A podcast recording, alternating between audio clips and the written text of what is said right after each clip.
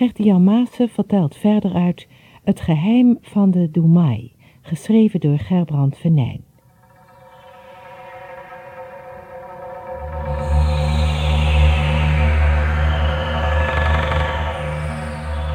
Na een vreselijke oorlog heeft een kleine overgebleven groep mensen een maatschappij gesticht. John heeft ontdekt dat meer mensen dan hun leider alleen iets weten over het verboden boek dat geschreven zou zijn door de schepper. Deel 6 Stukjes van een puzzel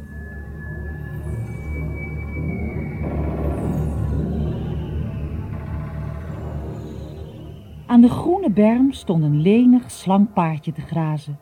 Het leukste diertje dat Jom ooit gezien had. Was dat zijn verjaardagscadeau? Oh, ik kon het haast nog niet geloven, maar het was toch echt waar. De stralende gezichten van zijn ouders zeiden hem genoeg. Juichend liep Jom naar zijn zwart glanzende vriendje om zijn armen om de sierlijk gevormde hals te slaan. Maar zijn nieuwe bezit was op die omhelzing niet zo gesteld en het nam een sprong. Er klonk een vrolijk gelach. Jong keek geschrokken naar het paardje, maar het liep gelukkig niet weg.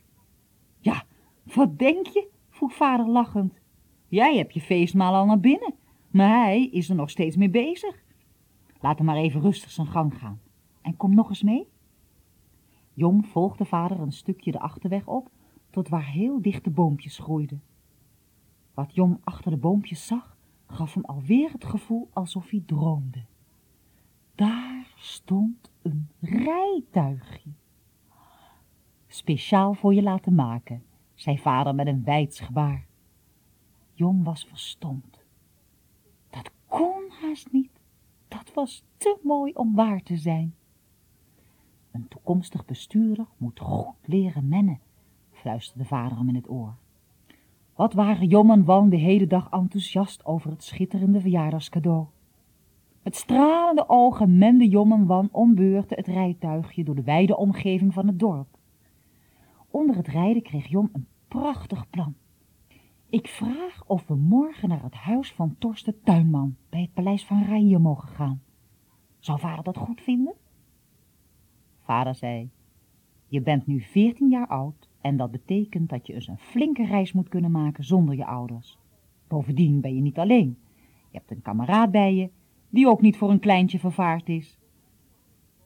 De volgende morgen stond de zon nog maar nauwelijks boven de kim of het rijtuigje van Jom verliet met flinke snelheid het dorp in oostelijke richting. Wat voelden de vrienden zich vrij en gelukkig toen ze de laatste huizen van het dorp achter zich hadden liggen en de groene velden zich voor hen uitstrekten. Ze zongen naar hartelust en genoten met volle teugen van hun reis, die ze pas de volgende avond hoefden te beëindigen, omdat ze toestemming hadden gekregen om in het huis van Torst te overnachten. Halverwege Rahiers paleis, op de plaats waar het gebergte begon, stegen de vrienden uit en beklommen een hoge top. Terwijl het paardje aan de voet van de berg graasde, aten zij, lui uitgestrekt, een stuk brood en dronken wat appelsap. Vanaf de hoge plek waar ze lagen, konden ze mijlen ver wegzien. Ginds in het westen zagen ze wazig de gebouwen van de stad waar Jom op school ging, en rechts daarvan de hoge bomen bij het dorp van waar ze vanmorgen vertrokken waren. Nog meer rechts was het meer te zien als een streep van bleek paarlemoer, waar een donker schildpadje op dreef, het schildpadeiland. Grappig dat ze van hier uit alle plaatsen waar ze normaal de hele dag waren konden overzien. Heb je nog wel eens iets van Huino gehoord? vroeg Job. Nooit, antwoordde Wan. Na zijn vertrek heb ik zijn naam haast niet meer horen noemen. Is Toema van het Westeinde nog in zijn huis gaan wonen? Die woont er nu alweer zo'n week of wat. Heb je nog wel eens nagedacht over wat ik je toen over de oude wereld vertelde? Ja, heel vaak. Je hebt er toch nooit met iemand over gesproken? Tuurlijk niet, dat had ik je toch beloofd? Jong vertelde alles wat er na die tijd gebeurd was. Hij vertelde van zijn ruzie met zijn leermeester Halgo, van de gesprekken met zijn vader en met Rahier, de plaatsvervanger van de Domai, en tenslotte ook over Torst de tuinman en diens gezin. Het is toch vreemd, zei Wang toen Jong uitgesproken was.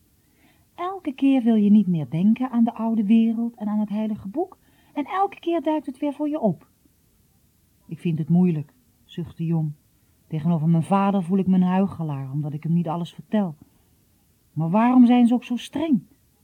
Als ik het geheim van dat boek wist, zou ik toch net zo goed het land kunnen besturen? Veel beter zelfs, meende Wan. Als je weet wat die geheimen inhouden, dan weet je ook wat er verkeerd aan is.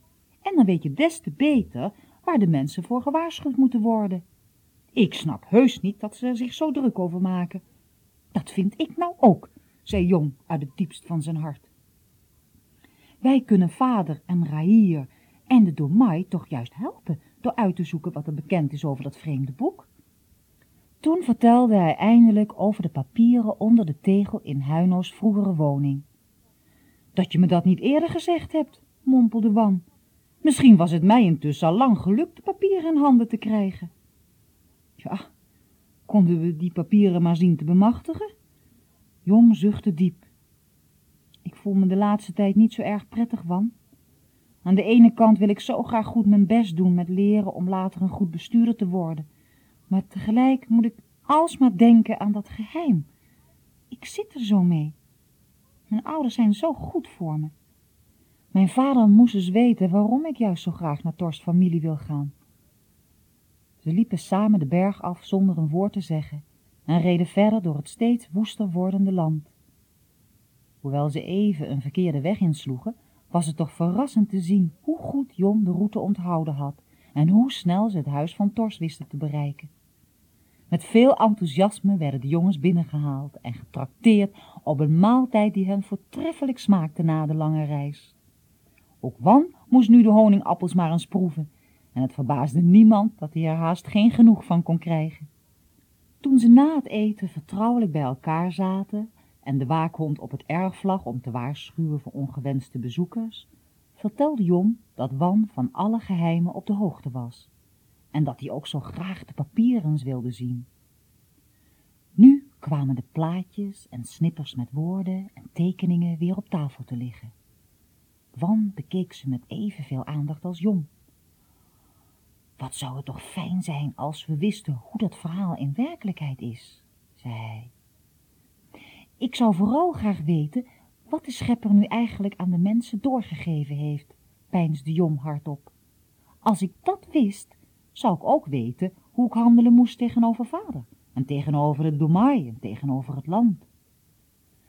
Stel je voor dat de opdracht van de Almachtige aan de mensen nu eens niet zo gemakkelijk is, merkte Tors op, terwijl hij één oog nadenkend dichtkneep. Hoe bedoelt u dat? vroeg Jong. De vorige keer heb ik je verteld dat ik altijd ben blijven denken aan de woorden die mijn vader riep toen hij van huis werd weggehaald. Ik wil de schepper meer gehoorzamen dan de mensen. Als de mensen in het heilige boek wetten vonden die in zouden gaan tegen de regels van de Domai, zou hij de macht over ze verliezen. En daar is hij natuurlijk vreselijk bang voor. Ik word er maar steeds nieuwsgieriger naar wat er op de papieren onder Huino's tegel staat, merkte Wan op. Het moet toch mogelijk zijn ze in onze handen te krijgen? Tuurlijk, knikte Jong. Zou het niet mogelijk zijn dat we er eens op afgaan? We moeten heel voorzichtig zijn, bracht grote Jiba bedenkelijk in het midden. Als er maar iets van onze plannen bekend wordt, kunnen we al het zoeken verder wel vergeten. Ik heb een idee, zei Wan. Als we nu morgenochtend vroeg naar het vissersdorp gaan en daar een bootje lenen om te vissen op het meer, dan kan kleine Jiba misschien ongemerkt op een schildpadeiland afgezet worden om te kijken of hij de papieren in handen kan krijgen. Ons kennen ze op het eiland, Jiba niet. Even was het stil. Ieder scheen de mogelijkheden te overwegen. toen zei Tors enthousiast, het is een mogelijkheid. Er is een kans van slagen. Vindt u het goed dat we het er morgenochtend op wagen? vroeg kleine Jiba met klem aan zijn ouders. Het is rustig weer en jullie zijn verstandige jongens, antwoordde grote Jiba. Ik zou zeggen, probeer het. Jong, Wan en kleine Jiba waren opgetogen dat er nu eindelijk eens een poging ondernomen zou worden om de verzameling papieren van Huino te bemachtigen. De verdere dag duurde veel te lang naar hun zin. Zo graag wilden ze aan een avontuur beginnen.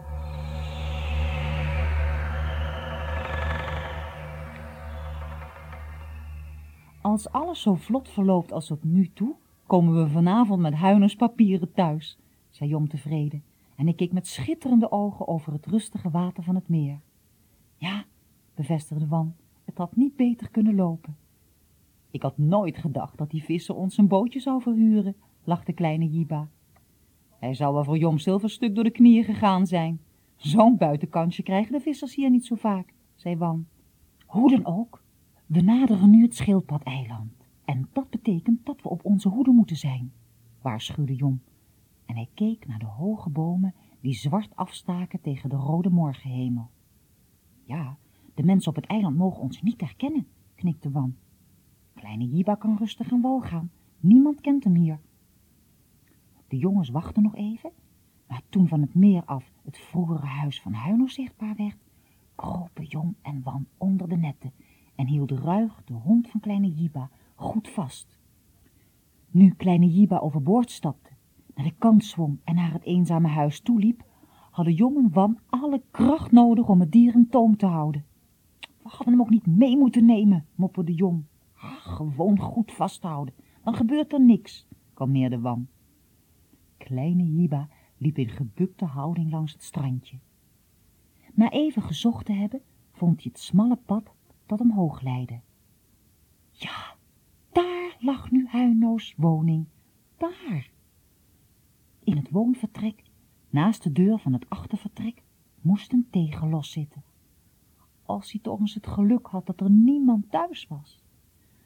Zo onopvallend mogelijk liep hij naar het huis. Al gauw had hij het gezien. Op het erf speelden twee kleine meisjes met een grijs hondje. Een hond, dat was pech hebben. Misschien was het wel zo'n waaks en bijtgraag monstertje. Kleine Jiba overlegde even met zichzelf wat hem te doen stond. Toen hakte hij de knoop door en hinkelde naar het huis en keek alsof hij doodmoe was. Het hondje ontdekte hem en kwam grommend en keffend op hem af.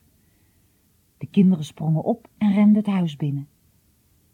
Even later kwam er een forse vrouw naar buiten, die de vreemde jongen met een wantrouwige blik opnam.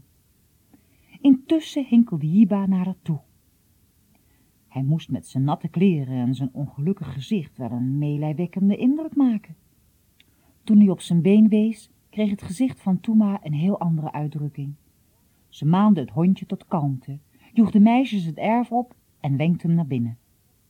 Daar in het woonvertrek was gelukkig niemand. Met een snelle blik nam kleine Jiba het vertrek op. Ja, dit moest de kamer van Huino zijn. En daar, naast de deur, moest ergens de tegel zitten die het geheim verborg. De vrouw liet kleine Jiba op een stoel plaatsnemen en bekeek zijn been, dat werkelijk wat schaafwonden vertoonde van de scherpe stenen bij het meer. Ze knikte ten teken dat ze begreep wat er aan de hand was en ging naar een andere kamer, vermoedelijk om zalf of iets dergelijks te halen. Zodra ze weg was, wipte kleine Jiba van zijn stoel af en probeerde de tegels op te lichten die zich naast de deur bevonden. Maar het lukte hem niet ook maar één op te tillen. Zelfs geen millimeter kwamen de zware plavuizen omhoog. Met een zucht constateerde kleine Jiba dat de gezochte tegel wel eens onder een zwaar stenen watervat zou kunnen liggen dat daar tegen de muur stond. Als dat zo was, kon hij wel ophouden, want er was in het vat beslist geen beweging te krijgen. Jiba zat maar weer net op de stoel toen de vrouw terugkeerde met een zwachtel en een pot zalf. In korte tijd had ze het been verbonden. Daarna hinkte Jiba, voor het oog heel dankbaar, maar innerlijk erg teleurgesteld, in de richting van het meer terug. De vrouw zwaaide hem na. Ontmoedigd dook Jiba even later bij zijn vrienden op. Ze hadden het vissersbootje onder overhangende struiken bij een steile helling verborgen. Na Jiba's verhaal viel er een sombere stilte tussen de vrienden. Ik had wel even aan deze mogelijkheid gedacht, bekende Jong. Het was natuurlijk te verwachten dat de nieuwe bewoners van het huis de loszittende tegels met cement vast zouden gaan maken. Als ze daarbij de papieren dan maar niet gevonden hebben.